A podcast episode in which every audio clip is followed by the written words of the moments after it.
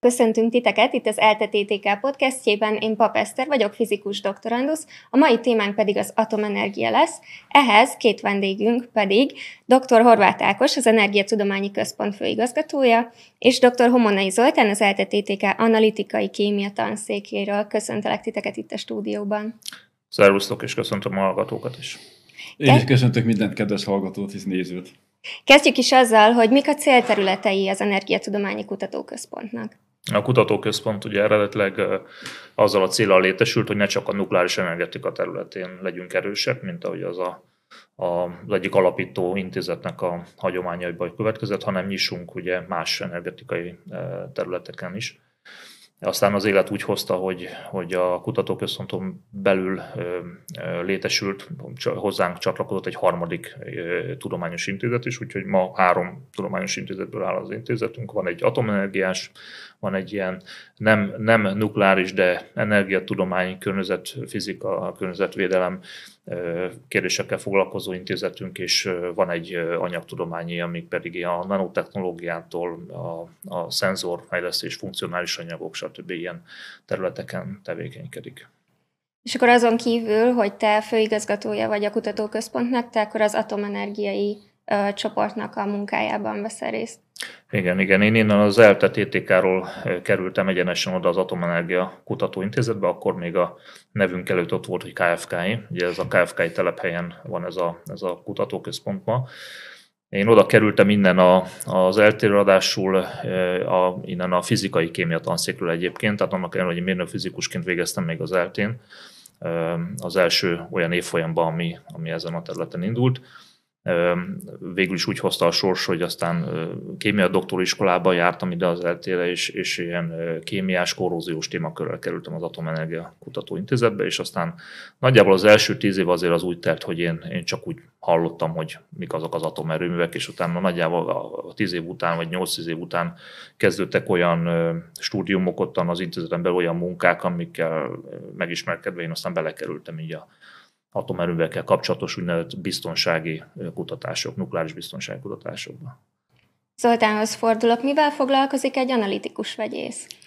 Hát én egy analitika tanszéken dolgozom, az kétségtelen, de az én speciális területem az a magkémia, ami hát ugye az analitika is, analitikához is tartoznak magkémia érintő részek, de azért alapvetően radioizotopokkal foglalkozom, tehát nem igazából a kémia analízissel, hanem olyan módszerekkel, amik esetleg nagy energiális sugárzást, rádióaktív sugárzást alkalmaznak. Úgyhogy van egy ilyen magkémiai laboratóriumunk, és ott hát alapvetően nukleáris szerkezetvizsgálati módszereket használunk, de mondjuk én nagyon sok mindent tanultam sugárvédelemből, Fehér István tanár úrtól, akinek hagyj említsem meg a nevét, aki nálunk nagyon sokáig oktatott, egykori KFK is kolléga, és hát én nagyon lelkesen oktatok ilyesmit, elsősorban tanárjelölteknek, mert úgy gondolom, hogy olyan tudást tudok talán átadni, ami, ami ugyan általános és érthető és emészhető, és fontos, hogy az emberek ezekről tudjanak. Néztem, hogy nagyon sok tantárgyat tartasz, úgyhogy ezekre majd a, az adás során vissza fogunk térni, és már meglebegtettük itt az atomerőmű szót. Hogyan működnek ezek az erőművek, és hogyan nyerünk egyáltalán energiát az atomokból? Uh-huh. Hát ugye az atomerőművekre volt az a régi mondás, hogy jó bonyolult vízforralók, ugye? Tulajdonképpen a, az az elv, amivel áramot, aztán energiát állítunk, termelünk, ezek tulajdonképpen ugyanazon az elven alapulnak, mint ahogy a más hagyományos fosszilis erőművekkel dolgozunk, tehát vizet melegítünk, és aztán az elforralt víznek a energiájával ugye hajtunk turbinát, majd generátort, és akkor úgy termelünk ugye áramot. A, a vízmelegítéshez használjuk fel a maghasadásból származó energiát, tehát a maghasadással és akkor itt jönnek be ugye az atomerőműnek az ilyen kis apró ilyen specifikumai, tehát a maghasadást ilyen jól ellenőrzött módon, úgynevezett a mélységi védelemnek az elemeit használva, jól betokozva, körbevéve melegítünk vizet, tulajdonképpen erről beszélünk, és hát a, a jelenlegi atomerőművek gyakorlatilag 100%-ban vagy túlnyomó részt az urán 236-os, tehát a hasadóképes izotópnak a, ezt a hasítását, vagy a hasításából származó energiát használják. Vannak más elvek is természetesen, tehát más izotóppal is lehet ilyen hasítást, vagy valamilyen más magreakció, de ez a legelterjedtebb és tulajdonképpen a legegyszerűbb És hogyan lehet őket hasítani? Uh-huh. Hát ugye spontán is megtörténik, tehát hogyha neutron sugárzás éri, vagy, vagy neutron részecske találja el egy jól meghatározott energiasávon, egy energiatartományon belül, akkor, akkor ezt a urán 235-öt szét lehet hasítani két kisebb fragmentumra, és akkor így a hasadás révén nem csak valamilyen izotópok keletkeznek, hanem felszabadulnak neutronok is, további neutronok, mégpedig a bejövő egyel szembe kettő vagy három a kimenő oldalon, tehát ugye ennyi a nyereség, és akkor ezzel a, ezzel a többszörözéssel, tehát hogy több neutron keletkezik, mint amennyit felhasználtunk a hasításhoz, a többszörözéssel lehet egy ilyen láncreakciót elindítani, tulajdonképpen ez, a, ez az elv, hogyha ezt a láncreakciót kellő módon szabályozzuk, tehát nem engedjük, hogy minden határon túl nőjön a neutronok száma, akkor tudunk elérni egy olyan állapotot, amikor egyenletesen a teljes zónában, ahol ugye összepakoljuk ezeket az uránmagokat így egymás mellé, tehát a teljes zónában egy ilyen meghatározott sebességgel, de szabályozottan tudjuk ezt egy időben lejátszatni. Tehát kicsit lefolytjuk ugye ezt a, ezt a szabályozatlan hasadást vagy láncreakciót, és akkor nagyjából ez a, ez, és ehhez mindenféle eszközöket használunk, tehát a szabályozó rudakat, a vízkémiát és így tovább. Az atomerőművekkel kapcsolatban sok embernek biztos felmerül a sugárvédelem kérdésköre. Milyen fogalmakkal kell itt tisztában lenni, és hogyan tudjuk magunkat védeni a sugárzás ellen?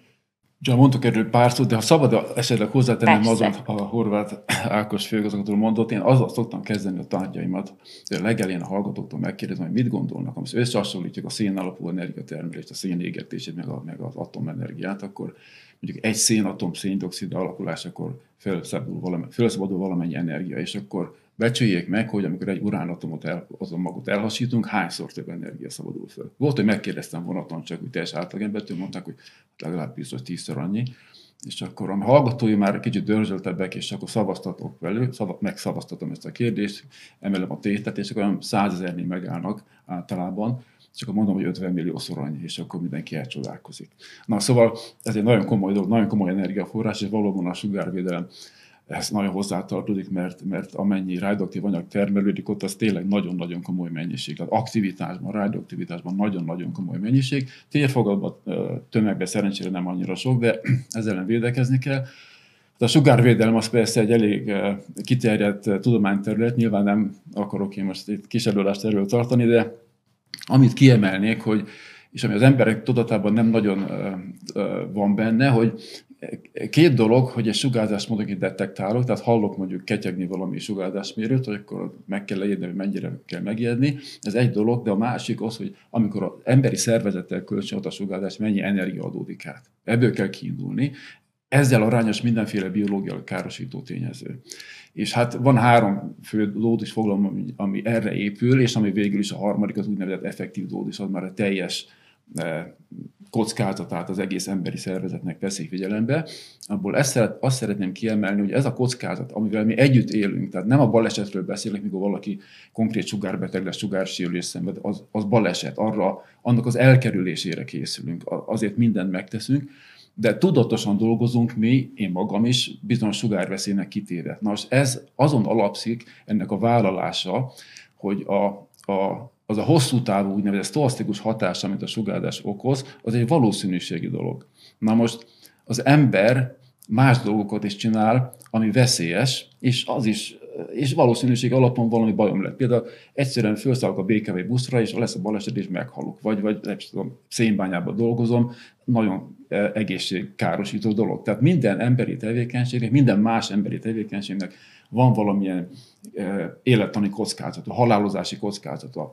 És a sugárvédelmi korlátokat is, tehát a dótis korlátokat is úgy alakították ki, hogy összehasonlították ezeket a kockázatokat. És az a jelenleg éppen 20 milliszívert, most mindegy, ez mit jelent, éves korlát, ami például rám is vonatkozik, hát az a, az átlagos ipari kockázat körüli érték lehet. Tehát magyarul az, azzal az, úgy mondjuk, hogy hát ha én Tudom, hogy autóbalesetben meg szoktak halni emberek, de mégse, mégse teszem azt, hogy soha többet nem ülök autóba, akkor ez is egy társadalmilag vállalható kockázat. Így módon teljesen nyugodtan lehet dolgozni egy izlóbb laboratóriumban is, mert tudom, hogy olyan kockázatot vállalok, amit egyébként más úton is biztosan el kell viselnem. Hát vagy ha csak arról beszélünk, hogy a természetben is vannak természetes sugárforrások, és mondjuk egy ö, olyan kőzetek melletti túra is akár már lehetne hát, egy ilyen nagyon-nagyon hát, mikroveszély. Most mondtam ezt a 20 millisievertet, tehát az átlagos természetes sugárzástól származó is olyan kettő, kettő és fél között van valahol millisievertben. Tehát az, és nagyon érdekes, el szoktam mondani ez a hallgatóknak, hogy a biológiai evolúció nem fejlesztett ki olyan élőlény, amelynek sugárzás detektora lenne. Ugye optikailag látunk, a szemünk működik, de ez nem szükséges. Nincs a, hely, nincs a Földön olyan annyira sugárveszélyes hely, hogy onnan az élőlényeknek el kellene menekülniük. Tehát ezt alkotta a természet. Ez szerencse. Persze még magunknak csinálunk azért sugárforrást, tehát arra vigyázni kell, de, de így, így módon. Tehát mind a természetes háttérsugázástól, mind pedig a jól kontrollált izotopos tevékenységtől egyáltalán nem kell aggódni. Ezt, ezt gondolom én. Sőt, ha beállsz a lift mellé valaki mellé, ugye, akkor, akkor is ugye, mert 8000 bekerül, azt, hogy jól emlékszem, a, a bennünk lévő kálium 40-ből származó természetes sugárzás, úgyhogy beállunk a liftben néhány ember mellé, akkor annyiszor 8000 bekerült, ugye. Igen, pont kapom. szerettem volna mondani, hogy a másik horvát Ákos mindig ezzel Igen. szokott példálózni Igen. az atommag órákon. Igen. És hogyha már itt a sugárvédelemnél, meg az atomerőművek védelménél járunk, akkor uh, hogyan lehet uh, védeni külső behatásoktól az atomerőműveket? Ugye az előző megjegyzésemben már emlegettem azt a kifejezést, hogy mélységi védelem elve. Tehát ugye valahogy az építkezés, a tervezés során is úgy járnak el az atomerőművek tervezése során, hogy, hogy elindulva már ugye a, a, az urán, a hasadóképes uránatomok legközvetlenebb közve, környezetétől, ilyen mondjuk úgy ilyen hagymahészerűen, tehát ilyen egymásba csomagolt, fokozatos védelmi rendszereket kell elképzelni egy atomerőműben. Például ugye az uránt, ahogy ugye elkészítik, tehát ahogy a, a, a dusítás után tablettázzák, és, és aztán bekerül egy ilyen cső burkolatba. Már a tabletta magában, már az is egy védelmi forrásnak, vagy védelmi eszköznek számít, hiszen önmagában a tabletta is egy jó darabig bent tartja a hasadványokat. Aztán a tablettát ugye becsomagolják egy ilyen fémpálcába és lehegeztik az alsó-felső végét, és akkor például a gáznemű, a tablettából kiszabaduló hasadványokat, ugye akkor ez a cső fogja meg, aztán a, a csövet ugye a, a primer, atomerőmű primer körében, akkor ugye az fogja meg, hogy a primer körben az a víz, az semmi mással nem érintkezik, tehát azt egy hőcserélünk keresztül adjuk át a szekunder körnek, tehát így, és akkor ugye a primer kört ugye körbevesszük valamiféle ugye fém tartája a fémcsövekkel, megfelelően méretezett fémberendezésekkel, azokat pedig valamiféle beton struktúrákkal, mindenféle célok miatt, ugye, és aztán fölkészülve arra, hogy mondjuk a, a tervezés, tervezés az elszámol bizonyos üzemzavarokkal, tehát a tervezés során figyelembe kell venni, hogy bizonyos üzemzavarok lehetségesnek, és, és akkor be kell tudni bizonyítani. Tehát a tervező mindenféle eszközöket odarak az atomerőmbe, amik aztán kezelik, hogy így mondjam, tehát, tehát megakadályozzák, hogy abból súlyosabb esetleg legyen, hogy kiszabaduljon a radioaktivitás, vagy egyáltalán csak leolvadjon a zóna. És aztán, hogyha fel kell tételezni azt is, hogy akkor e, lesz egy olyan súlyos eset, amire a tervező sem gondol, na erre az esetre akkor meg aztán becsomagolják egy ilyen nagy előfeszített beton, hogy hívják, containment, egy ilyen tartályba, ami arra az esetre aztán végképp megfogja a, a kiszabaduló gőzöket, gázokat, hogyha már teljesen tönkrement az atomerőmű, tehát hogyha olyan eset fordul elő, ami után már nem is tudjuk majd újraindítani, nem tudjuk használni, de még akkor is megfogja, mert hogy a lakosságot megvédjük. Tehát, tehát egy ilyen, egy ilyen helyszerűen felépülő védelmi rendszerről beszélünk, hogy nagyon sok eleme van, és a, a biztonsági számítások azok tulajdonképpen ö, teljes körön lefedik azokat az eseteket, amikről beszélünk.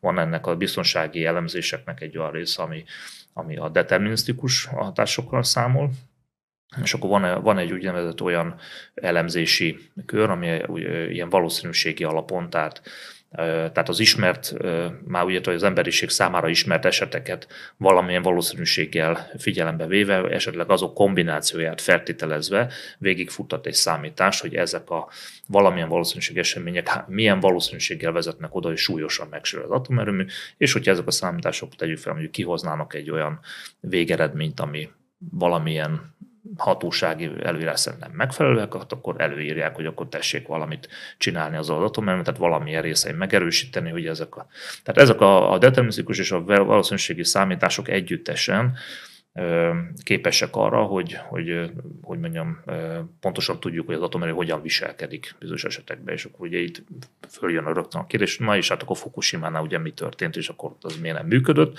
A Fukushima-nál ugye működött az a része, hogy az, a Fukushima tervezése idején ismert valószínűségű eseményeket, így például ez a cunamit, ugye, meg annak, hogy, hogy milyen valószínűséggel jöhet egy bizonyos hullámnál magasabb hullám. Tehát, hogy, tehát ott is kalkuláltak, hogy mit tudom én, az utóbbi hány száz vagy ezer év, nem tudom, mekkorák voltak a hullámok, milyen valószínűségű jött egy bizonyos. És arra, arra terveztek, ami, ami akkor, abban az időben, a 70-es években egy, egy elfogadható, tehát egy mérnöki szemmel is elfogadható biztonsági limit volt, és arra, arra tervezték meg azt az erőművet, és abban az esetben, hogyha ez mondjuk most például tudjuk már, hogy akkor ugye most bejött egy ilyen esemény, aminek a valószínűsége nagyon kicsi volt, tehát mint az elmúlt nem tudom hány évben nem történt. Na ez most beépült a világ összes atomerőművének a, a valószínűségi biztonsági elemzésébe, tehát mindent lefuttatták ezeket az elemzéseket, és akkor mindent meg kellett erősíteni a biztonsági funkciókat, még Pakson is, ahol ugye nem számolunk a cunamival, de még ott is el kellett költeni nagyon sok pénzt arra, hogy megerősítsék azokat az elemeket, amik egy Fukushima-ra úgy mondom hasonlító. Tehát a Fukushima az nem csak a cunami miatt volt, hanem ugye ott két esemény, tehát a végső hőelnyelőt is elvesztette meg a, a villamos betápot, tehát, tehát ott, ott olyan, olyan események jöttek elő, kettő, amelyeknek az együttes előfordulása nagyon pici valószínűségi volt, viszont az az eset nagyon megemelte ezt a valószínűséget, hiszen történt már egy, és ezt a tapasztalatot be kellett építeni még a paksi atomerőműbe is. És aztán ezen túl, ami épül atomerőműbe, az összesbe tulajdonképpen ezen túl eh, használni kell. Tehát a valószínűségi számítások ezen túl egy, egy, egy, egy megemelt valószínűséggel, egy megemelt kockázattal kezelik ezt az esetet, és, és úgy kell tervezni a, az eszközöket az erőmű körül, tehát ugye a vízkivételi művet megerősíteni a dízelgépházal is. Tehát, tehát az összes olyan eh, berendezést, ami egy ilyen baleset elhárításában mondjuk szerepet játszik. Sajnos aktuális a kérdés. Az ukrán helyzettel kapcsolatban hallottam, hogy a környező országok polgárai vesznek jó tablettákat ugye a sugár fertőzés miatt. Ennek te mennyire látod a, nem tudom, észszerűségét? Hát sajnálattal hallottam ezt, hogy, hogy jó tablettákat vesznek az emberek. Én nem vettem, és nem is, nem is tervezzük. Tehát mi természetesen mi is halljuk a híreket, nem maradtunk le róla, hogy, hogy ugye a, a ellenséges, vagy hát orosz csapatok ugye elfoglalják az atomerőmet, és akkor mindenki fél attól, hogy vajon mi ennek a célja, hogy ők, hogy ők elfoglalják ezeket az atomerőműveket, és mit akarnak vele csinálni. Hát ugye egyetemen azt gondolom, hogy főleg az oroszok, orosz, Oroszország részéről nem tételezhető fel, hogy atomerőművekben a kárt okozzanak, ad abszurdum, ugye bombázzák ezeket, hiszen azért Oroszország ugye egy, egy atomnagy hatalom, nagyon nagy energiákat és anyagi forrásokat fektet abba, hogy atomerőműveket fejleszten, atomerőműveket építsen. Tehát egy, egy ilyen kultúrájú ország, tehát amelyik pontosan tisztában vele, hogy, hogy atomerőműnek, hogy mondjam, milyen kockázatai vannak, és hogy hogyan kell ilyen atomeleket csinálni, üzemeltetni. Tehát egy ilyen kultúrájú ország az nem fog ilyen barbárságot elkövetni, hogy, hogy lebombáz atomerőművet. Ezzel tulajdonképpen saját magának is óriási veszteség, is veszteséget okozna. Tehát ezt kizártnak tartom. Viszont nagyon triviálisan adódik az a válasz, vagy az a lehetőség, hogy egy atomerőműnek az elfoglalása, és mondjuk úgy, hogy annak a békés leállítása, az ugye, hogy mondjam, ugye egyetemen az adott ország energiahálózatában egy óriási, hogy mondjam, veszteséget, tehát energiahiányt okoz. És mondjuk ez a háború stratégiája tekintve, ez, ez egy triviális hogy mondjam, válasz lehet erre, hogy miért is van erre szükség. Tehát egyszerűen ugye az áramhiány, vagy az energiahiány az, az ugye valamilyen értelemben egy fenyegetés ugye a, azoknak, akiknek nincs áramuk. Szóval, ugye, tehát ilyen nagyon egyszerű megközelítésből. Tehát független attól, hogy ez egy atomerőmű vagy mondjuk gázerőmű lenne, én azt gondolom, hogy ez egyszerűen csak arról szól, hogy az energia hiányt előidézve fokozzák ugye a nyomást a, a, az ukránokon. A másik oka természetesen az is lehet, hogy, hogy éppen attól függetlenül, hogy nem kárt akarnak okozni, éppen ellenkezőleg az is akár meg akarják védeni, tehát hogy mondjuk egy, egyéb szabotás akcióktól. Tehát pontosan azért, mert úgy gondolom, hogy, hogy ők viszont nagyon is tisztában vannak vele, hogy egy atomerőmű az, az, az micsoda, és hogy arra hogyan kell vigyázni. Tehát azért nekem ez a véleményem erről a helyzetről. Említettem a jó tablettákat. Hogyan függenek ezek össze a sugárvédelemmel? Hát a, a jó tablettát akkor kell bevenni, hogyha a polgármester azt mondta, ezt, ezzel vezetném be, hiszen már olyan rendszerek vannak, olyan, olyan környezetvédelmi, nukleáris környezetvédelmi rendszerek, hogy hogy, hogyha megtörténik egy baleset, és nagyjából ismerik a kibocsátás helyét, akkor lehet, hát olyan meteorológiai pontosággal lehet számítani, hogy mondjuk az a radioaktív felhő mikor ér oda adott településre, és ugye a, a, a pajzsmirigyünk, van egy tirozin nevű hormon, és az jó tartalmú. Ezért szereti a pajzsmirigyünk a jódot fölvenni. Na mostan ez egy pekhes szituáció, hogy a hasadási termékek között nagyon nagy mennyiségű jódizodók van és ezek rövid feledési idejű, nagy aktivitású izolópokat jelentenek, és, a, és nagyon nagy pajzsmiri is tudnak okozni. Tehát érdemes, mielőtt ez a radioaktív felhő megérkezik, pár órával mondjuk bevenni a jó tablettát, akkor telítjük jóddal a pajzsmirigyet, és akkor kevesebb radioaktív jódot fog fölvenni. Ez az értelme. De de nincs értelme. Tehát ez nem általában segít egy sugárbetegségen, vagy, vagy dózis csökkentő hatása van, hanem csak a jód esetében, de én azért úgy gondolom, hogy erre nem lesz szükség. Biztos, hogy a, még az orosz csapatok sem fognak szándékosan olyan, olyan szituációt előállítani, hogy erre szükség legyen. Szinte kizárólag tartom. Véletlen, vagy valami őrült, tehát ilyesmi, de ennek szerintem kicsi a valószínűsége. Említetted a nukleáris környezetvédelmet, mint fogalmat. Ez mivel foglalkozik? Hát igazából ilyesmikkel, de az mondjuk a baleset az egy ilyen, te, ilyen területeknél egy fejezet mindig a balesetekről szól. Ugye hát két ilyen nagy baleset volt a világon, egy igazán nagy jelentős környezeti hatást okozó baleset, ez a Csernobyl és a Fukushima, már főgazgató e, említette. De természetesen foglalkozik a, a normál üzemi kibocsátásokkal is. Tehát azzal foglalkozik ez a tudomány, hogy amennyiben valamilyen izotóból kikerül, amennyi izotóp kikerül egy, egy radioaktív anyagokat fog, gal is foglalkozó létesítményből, tehát nem föltétlenül egy erőműből, akkor azok hogyan terjednek a környezetben, azok hogyan jutnak el az emberi szervezetbe, és akkor végsősorban mennyi dózist okoznak. Na most szerencsére ez egy olyan tudomány, hogy amikor például ilyeneket ténylegesen mérni akarunk, akkor az egy méréstechnikai kihívás, mert többnyire olyan kicsik a koncentrációk, hogy igazából azért művészet, hogy ezt megmérni. Tehát például a Csernobylból származó cézium 137 egyszer nagyon lehet már mérni, csak nagyon spéci laborokban, jól, jól le, leárnyékolt mérőhelyeken, stb. Tehát, tehát és ezek az információk segítenek bennünket abban, hogy adott esetben, ha ténylegesen történik valami komoly esemény, akkor meg tudjuk becsülni azt a dózist, amit a, leginkább ugye a népesség elszenved, hogy az meghaladja azt a jelenleg érvényes 1 millisiever per év korlátot, és akkor ez alapján foganatosítanak olyan intézkedéseket, amik, amik hát tovább csökkenthetik a dózist. Úgyhogy hát ez a, ez a, ez a területe ennek a, ennek a tudományágnak, és mondom, hát reméljük, hogy komoly helyzetekre soha nem kell alkalmazni. Az Energiatudományi Kutatóközpont milyen környezetvédelme, környezetvédelemmel kapcsolatos projekteket szervez? Hát mielőtt válaszolok a kérdésre, azért hadd kezdjem azzal, hogy, hogy a kutató központban dolgozó kutatócsoportok és azoknak a tevékenysége, az persze azon kívül, hogy egy valamilyen stratégia, intézeti kutatóközponti stratégia mentén felfűzhető, vagy hogy mondjam, előadható, azért nagy mértékben attól is függ, tehát az a tevékenység ugye nagy mértékben attól is függ, hogy a, a kutatóinknak milyen ö, egyéni ötletei, igényei, hozzáállása van. Tehát azért a, azért a kutatóközpontnak a kutatás irányait az nem kizárólag a vezető vagy a vezetés szabja meg, hanem ugye azok. Tehát ezért ugye néha, hogyha belenézünk abba, hogy mennyi mindennel foglalkozunk, akkor egy ilyen nagyon, nagyon heterogén társaságot látunk, és persze hát ebben ki lehet jelölni a nagy irányokat, amiket mondtam, hogy nukleáris, meg egyebek, de azért, azért van tücsapogár, mondom, attól függ, hogy azért a kutatók azért hozzák a maguk egyéni érdeklődését. És akkor így válaszolva a kérdésre,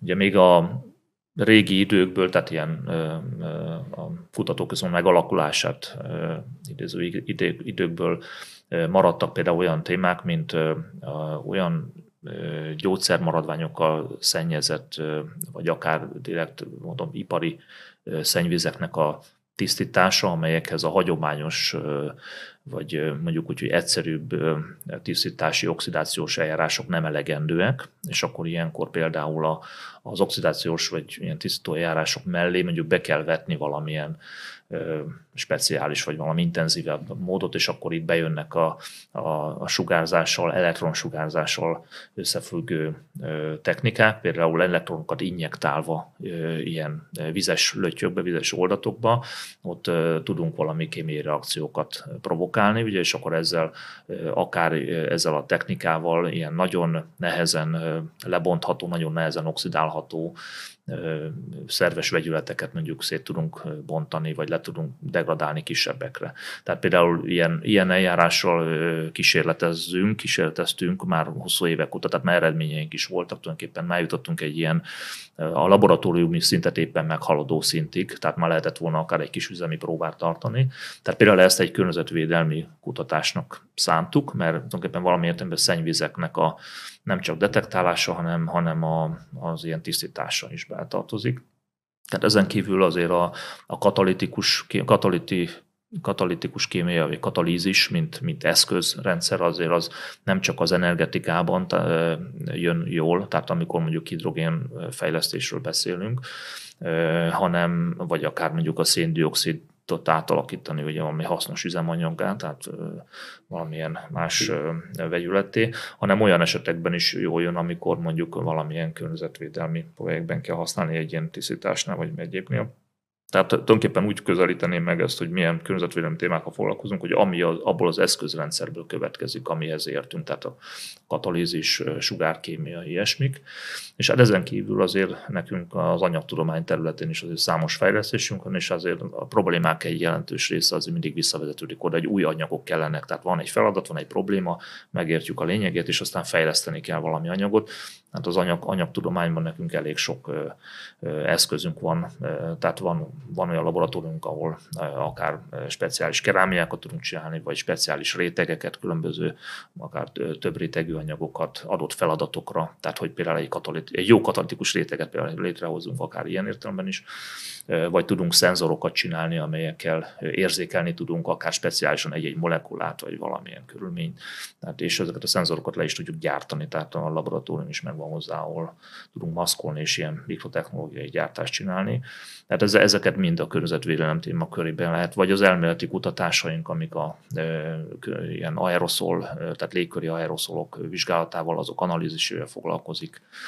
Korábban csináltunk munkákat, amelyekben a például a különböző erőművek által kibocsátott ilyen kis légköri szemcséket meganalizáltuk, megnéztük, hogy milyen kémiai összetételük, milyen méretűek, stb. Tehát mennyire vesz, jelentenek veszélyt, vagy a budapesti reptérnek volt egyszer egy ilyen nagy környezetvédelmi felmérés, akkor azt mi csináltuk, végeztünk ilyen légkör légköranalízis, tehát légkörből kiszedhető kis részecskéknek az analitikáját hát ilyesmiket csinálunk. Tehát gyakorlatilag ami az analitikából, katalízisből, anyagtudományból következik, az azokkal úgy szeretünk foglalkozni. Az anyagtudományhoz kapcsolódva az eltének is van anyagtudományi laborja. Mivel ismerkedhetnek meg itt a diákok? Hát anyagtudományt ö, oktatunk, tehát van anyagtudomány szakunk is, és hát ez fizikusokkal együttműködésben szokott zajlani. Ami ebből a mi részünk talán, az, a, az ami a mi laboratóriumokat illeti, az Mössbauer spektroszkópia és pozitív annihilációs spektroszkópia. Hát ezek hát nukleáris anyagszerkezeti vizsgálati eszközök. Hát, hogyha három szót mutatok magára a Mössbauer spektroszkópiára, az nem olyan sokan ismerik. Ezzel mi speciálisan vasat tudjuk vizsgálni, és ez egy ez egy a finom szerk, anyag finom szerkezetére vonatkozó módszer, az elektron szerkezetet tudjuk nagyon finoman vizsgálni, annak eredményeképpen, hogy és ez sokakat meglep, hogyha mondjuk egy ilyen 14 ezer elektronvoltos sugárzásnak megnézzük, hogy az, az a sugárzás mennyire pontos, kiderül, hogy ez a, ez a pontosság az 10 a mínusz 9 elektron, tehát plusz-minusz egy nanoelektron volt pontos ez a sugárzás. Ez óriási hogy is mondjam, energiafelbontást tud biztosítani, és ennek köszönhető az, hogy a gamma sugárzás energiájának a rendkívül csekély megváltozását azt a kémia miatt hogyha ez a kémia miatt valósul meg, ezt tudjuk mérni. Tehát, tehát meg tudjuk mondani azt, hogy igazolni tudjuk, hogy két különböző kémiai környezetben van egy, egy radioaktív izotóp, akkor annak a gamma sugárzása nem pontosan azonos energiájú. Ez nagyon meglepő, mert ez egy gamma spektrométerben, ahol ezer elektron volt körülbelül a felbontás, ez nem lehet kimutatni. Na, a lényeg az, hogy ebből aztán kémiai információkat tudunk kapni, és hát a legkülönbözőbb anyagok, amik, hát persze főleg vastatalmú anyagok, amik a technológiában előjönnek, azok ezzel vizsgálatok. Most ugye tehát amilyen témák nálunk vannak, például biológiai, határ, tehát biológiai témákon is dolgozunk, hogy mondjuk egy, egy vasoxid, hogyha az nanoszerkezetű, ilyen nanoszemcsékben van, akkor azzal hogyan lehet például a növényeknek a vasfelvételét segíteni és ezzel ilyen mezőgazdasági tehát termelés növekedést elérni. Tehát, tehát a leg, legmesszebbre ható ugye, vizsgálatok vannak, amik ugye látszólag semmi közük nem lenne egy nukleáris módszerhez, de ilyen áttételesen mégis nagyon hasznosak tudnak lenni. De vizsgáltunk korábban mi magas hőmérsékleti szupravezetőket, a bazod az érdekes, hogy nem is tartalmaztak vasat, de a módszer unikális jellege miatt, ha mi raktunk bele egy kicsit ilyen egyfajta szondaként, mondjuk egy tized százalékot, és akkor ebből tudtuk nagyjából a, a szupravezető elektron szerkezetét valahogy valamilyen módon vizsgálni. Nagyon sokféle alkalmazás van, korróziótól elkezdve, például a Paksi atomerőműnek vizsgáltunk korróziót a, a hőcserélőkben, ott a, ennek a, korró, ennek a, a korróziónak a korrózió, az nagyon fontos, hogy milyen, milyen gyors, és, és a nagyon nagy kihívás volt, mert hogy ennyi radioaktív felületeket kellett mérnünk egy olyan módszerrel, ami szintén sugárzás mérés, nem is volt, nem is volt triviális, hogy, a, hogy az eleve radioaktív felület sugárzási háttere mellett mi tudunk valamit mérni, és igenis tudtunk mérni, és hát ez nagyon jó projekt volt, emlékszem, annak ilyen az mhm. élettartam hosszabbításban ez azért számított sokat, a Podman Egyetemmel együttműködésben csináltuk ezt. Tehát na, nagyon különböző területeket tudunk az anyagtudományban vizsgálni. Mondom, a mi szakterületünk ezen belül ezek a nukleáris módszerek, amiket emlegettem. Szó volt a biológia és a nukleáris módszerek kapcsolatáról. A, milyen nukleáris módszereket alkalmazunk a gyógyításban például?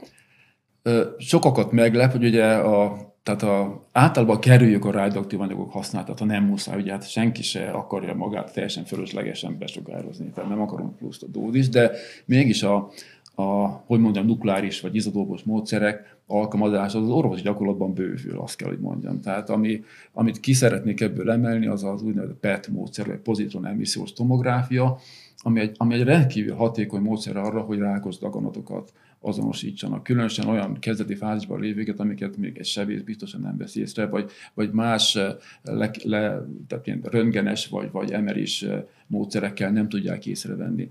Ez azon alapszik, hogy egy fluor 18 izotópa jelzett, lényegében szőlőcukor molekulát jutottunk a szervezetbe, és ez a, a, mivel a, a szőlőcukor olyan helyeken kell a szervezetben, ahol energiára van szükség, és a rákos daganatokban a sejtosztódás nagyon sok energiát igényel, ez a fluor 18 jelzett szőlőcukor oda megy a rákos sejtekbe. És nagyon érdekes, hogy miközben az ilyen izotópos módszereket többire azért szeretjük, mert nem kell megváltoztatni a kémiáját az eredeti molekulának. Tehát én ezt szint 11-el is jelezhettem volna, de nem tesszük, mert az az eredményes adódik, hogy amíg a fluor 18 jelzett szőlőcukor egyben van, akkor a szervezet azt hiszi, hogy ez szőlőcukor. Oda megy a sejtbe, elkezdi, elkezdi lebontani, és rájön, hogy ez nem szőlőcukor, és nem folytatódik a lebontás. Vagy ott reked a fluor 18, az a jelzőanyag a sejtben, a rákos sejtben.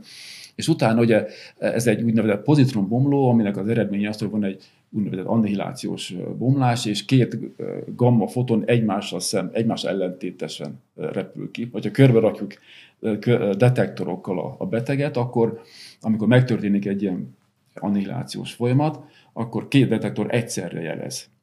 És akkor tudjuk, hogy a bomlás valahol ott volt a két detektor összekötő vonal mentén, de nem tudjuk ott hol, de rengeteg ilyen eseményt, több millió ilyen eseményt regisztrálunk, és ezen, ezen hogy is mondjam, vonalak mondja, kirajzolja azt, hogy hol van a daganat.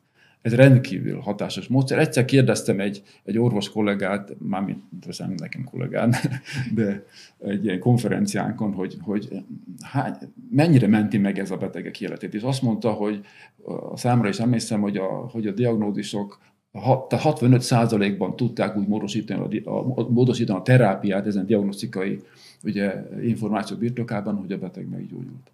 Nagyon fontos módszer. Persze, a beteg ilyenkor kap egy dózist, körülbelül 14 millisievertet, hogyha kombinálják ezt a PET módszert egy ilyen röntgenes analízissel, tehát ami a, egyszerűen a szerkezeti leképezéssel, és az előbb mondtam, hogy 20 millisievert az én dózis korlátom. Na most ráadásul ugye ez azt jelenti, hogy adott dózishoz tartozik adott rákkockázat növekedés. Most természetesen, ha egy beteg már rákos, nincs értelme ilyen filozofálni, hogy mennyivel növekszik a kockázata. Tehát nektek a diagnózisnak a, a sugárdózis melletti óriási értéke van. Tehát, tehát ez nagyon jól kontrollált. Ugye ez, ez egy diagnosztikai alkalmazás. Aztán Persze vannak terápiás alkalmazások is, amikor uh, ugye a daganatot roncsolják uh, valamilyen béta sugárzóval többnyire, tehát bejuttatják magát a radiotodót a szervezetbe, és akkor ott az a bomlás rombol. Számomra eddig a legérdekesebb pár éve megjelent cikket láttam, ahol egy, egy beteget americium izotóppal kezeltek. Az a lényeg ennek, hogy ez egy alfa sugárzó, ami nagyon-nagyon veszélyes, tehát, tehát azt nem szabad megenni alfa sugárzókat. Na most ezt is megkockáztatták orvosok, egy nagyon, nagyon jó, nagyon spéci molekulára rakták föl, ami, ami teljesen szelektíve a daganathoz vitte, tehát a szervezet anyagcseré a daganathoz vitte ezt a molekulát, és egy, egy rettentően áttételes prostatarákos betegből eltűntek a áttétek néhány hét alatt. Tehát én magam is találkoztam. Ez még nem klinikai módszer, ez egy tudományos cikk. De ez egy fantasztikus. Tehát azt, az, az, azért akarom ezt elmondani, hogy azt illusztráljam, hogy hogy nagyon-nagyon jó módszer. Én régen azt hittem 15 év ezelőtt, hogy hú, akit sugárkezelnek, az már szerintem megrendelheti a koszorút, de ez egyáltalán nem így van. Tehát nagyon sok embert meggyógyítanak a sugárzással, ami egyébként rákot okozhatna, de amikor már baj van, akkor egy sugárkezelés nagyon-nagyon sokat tud segíteni. Eléggé sokoldalúak ezek a makémiai um, reakciók, illetve felhasználások. Egy picit más vízre eveznék, és uh, arról szeretnék még beszélni, hogy a kutatóközpontban folynak kutatások magfúzióval kapcsolatban. Mi az akadálya annak, hogy egy fúziós reaktort építsünk, és hogyha sikerülne, akkor mi lenne a nagy előnye?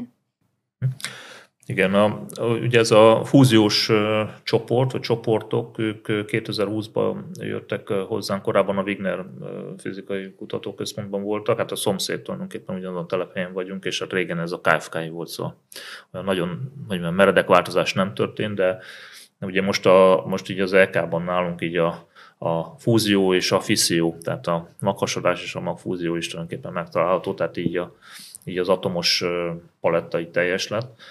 Hát a fúziós reaktort, hogy miért nem, miért nem építünk, valójában épül most is egy. Ugye ezek a fúziós reaktorok, ezek, ezek épültek a időben, az elmúlt évtizedekben, jó néhány. Mindig valamilyen olyasmi célral, hogy meghaladják a korábbi kísérletnek a méretét, tulajdonságait, tehát mindig egy kicsit nagyobb, egy kicsit komplexebb berendezések épültek, és éppen most épül egy olyan a Dél-Franciaországban az ITER, amelyiknek már ugye a mérete alkalmas lenne arra, hogy hosszabb ideig összetartsa a plazmát és a fúziót is, a jelenséget, tehát a fúziós folyamatot fenntartsa ugye értelmezhető ideig illetve ezen túlmenően most ott tart még tulajdonképpen ez a, ez a technológia fejlesztés, hogy, hogy azokat a technológiai elemeket, technológiákat még ki kellene próbálni, amiket a majdani erőműben, tehát amivel már majd energiát is, vagy villamos áramot ugye elő akarunk állítani, tehát azok, abban a majdani erőműben rutinszerűen akarunk használni, például az üzemanyag utánpótlás. Ugye most jelen pillanatban az úgy működik, hogy összerakják majd ezt a reaktort, vagy bármelyiket, amelyik most van a világon, föltöltik, és akkor csinálnak egy kísérletet, és akkor utána annak úgy vége van, tehát akkor szétszedik, vagy újra töltik, vagy nem tudom. Na most ugye a, a folyamatos üzemanyag utánpótlás például egy olyan technológia, és ebben az esetben itt a triciumnak lesz majd a utánpótlása egy kérdés. Hát amihez a technológiai elemeket, a mérnöki technológiai elemeket ki kell fejleszteni, és ki kell kísérletezni. Tehát ez csak ez egy példa volt, vannak még más ilyen technológiai elemek, tulajdonképpen ez lesz az ITER-nek, ennek a francia, hát valójában nem francia, de hát egy ilyen világkísérlet, csak Franciaországban épül, ennek a ITER-nek a célja. Úgyhogy tulajdonképpen ez a félig meddig a válasz a kérdésre, hogy hát azért nem nincsen még, mert még nem tartanak egyszerűen ott, tehát idő, időben még nem sikerült összerakni, mert azért ez egy lényegesen komplikáltabb berendezés, mint egy atomerőmű. Hát a, a villa vagy a villamos, ugye? Szóval, szóval tehát azért, a, ahogy eddig is elmondtam, tehát az atomerőmű az érezhetően egy, most hiába furcsán hangzik, hogy egyszerűbb technológia.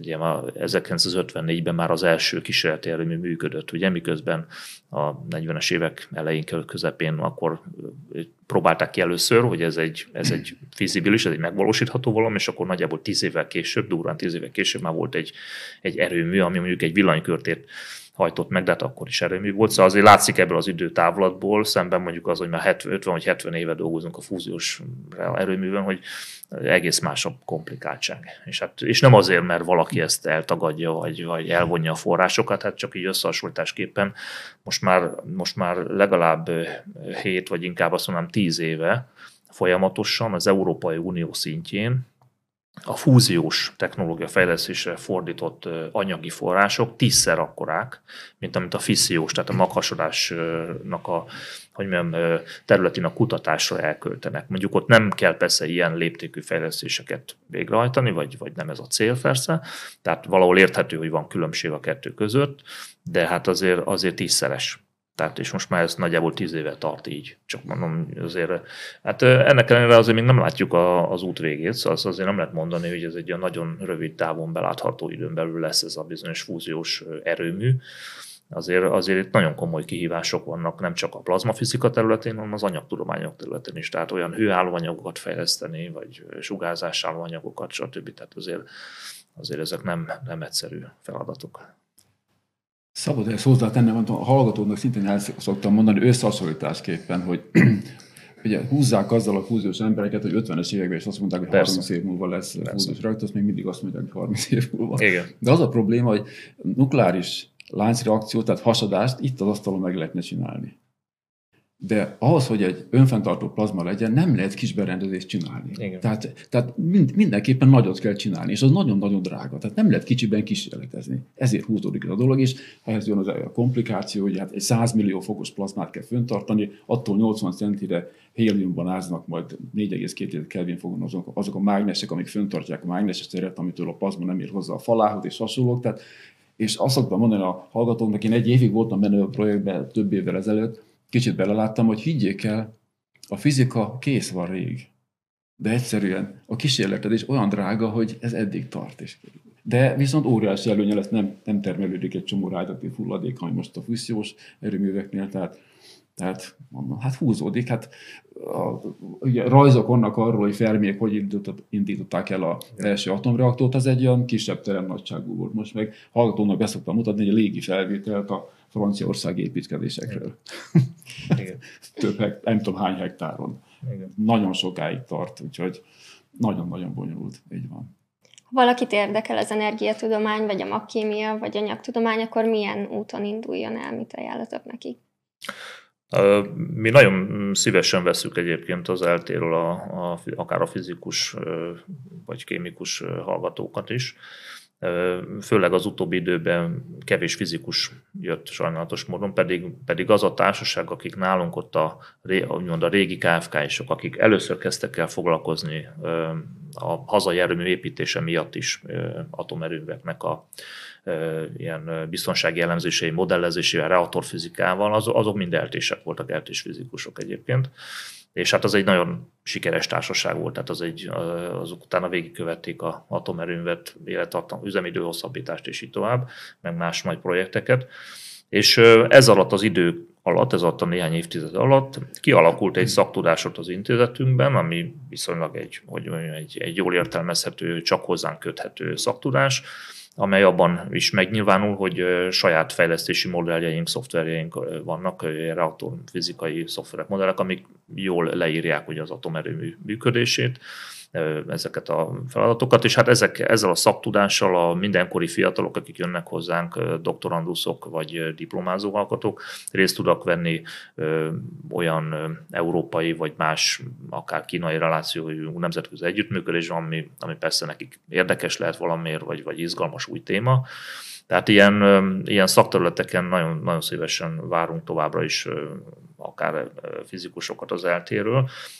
Viszonylag sokan jöttek az utóbbi időben vegyészek vagy, vagy környezettanos hallgatók, ugye, mert talán lehet, hogy népszerűbbek voltak ezek a témák, ott ilyen analitikai területen elég sok mindent csinálunk, így felsorolni is nehéz lenne tehát analitikai, és az analitikai berendezéseink is elég számosan vannak, nagyon sok izgalmas téma van a, az örökség kutatás, tehát ilyen régészeti vagy múzeumi tárgyak vizsgálatától kezdve, akár a, a radon a vizekben, vagy mit tudom én, tehát bármiféle ilyen analitikai témakörben, tehát rengeteg témánk van, és hát ezeket nyilván jól ismerik azért a hallgatók.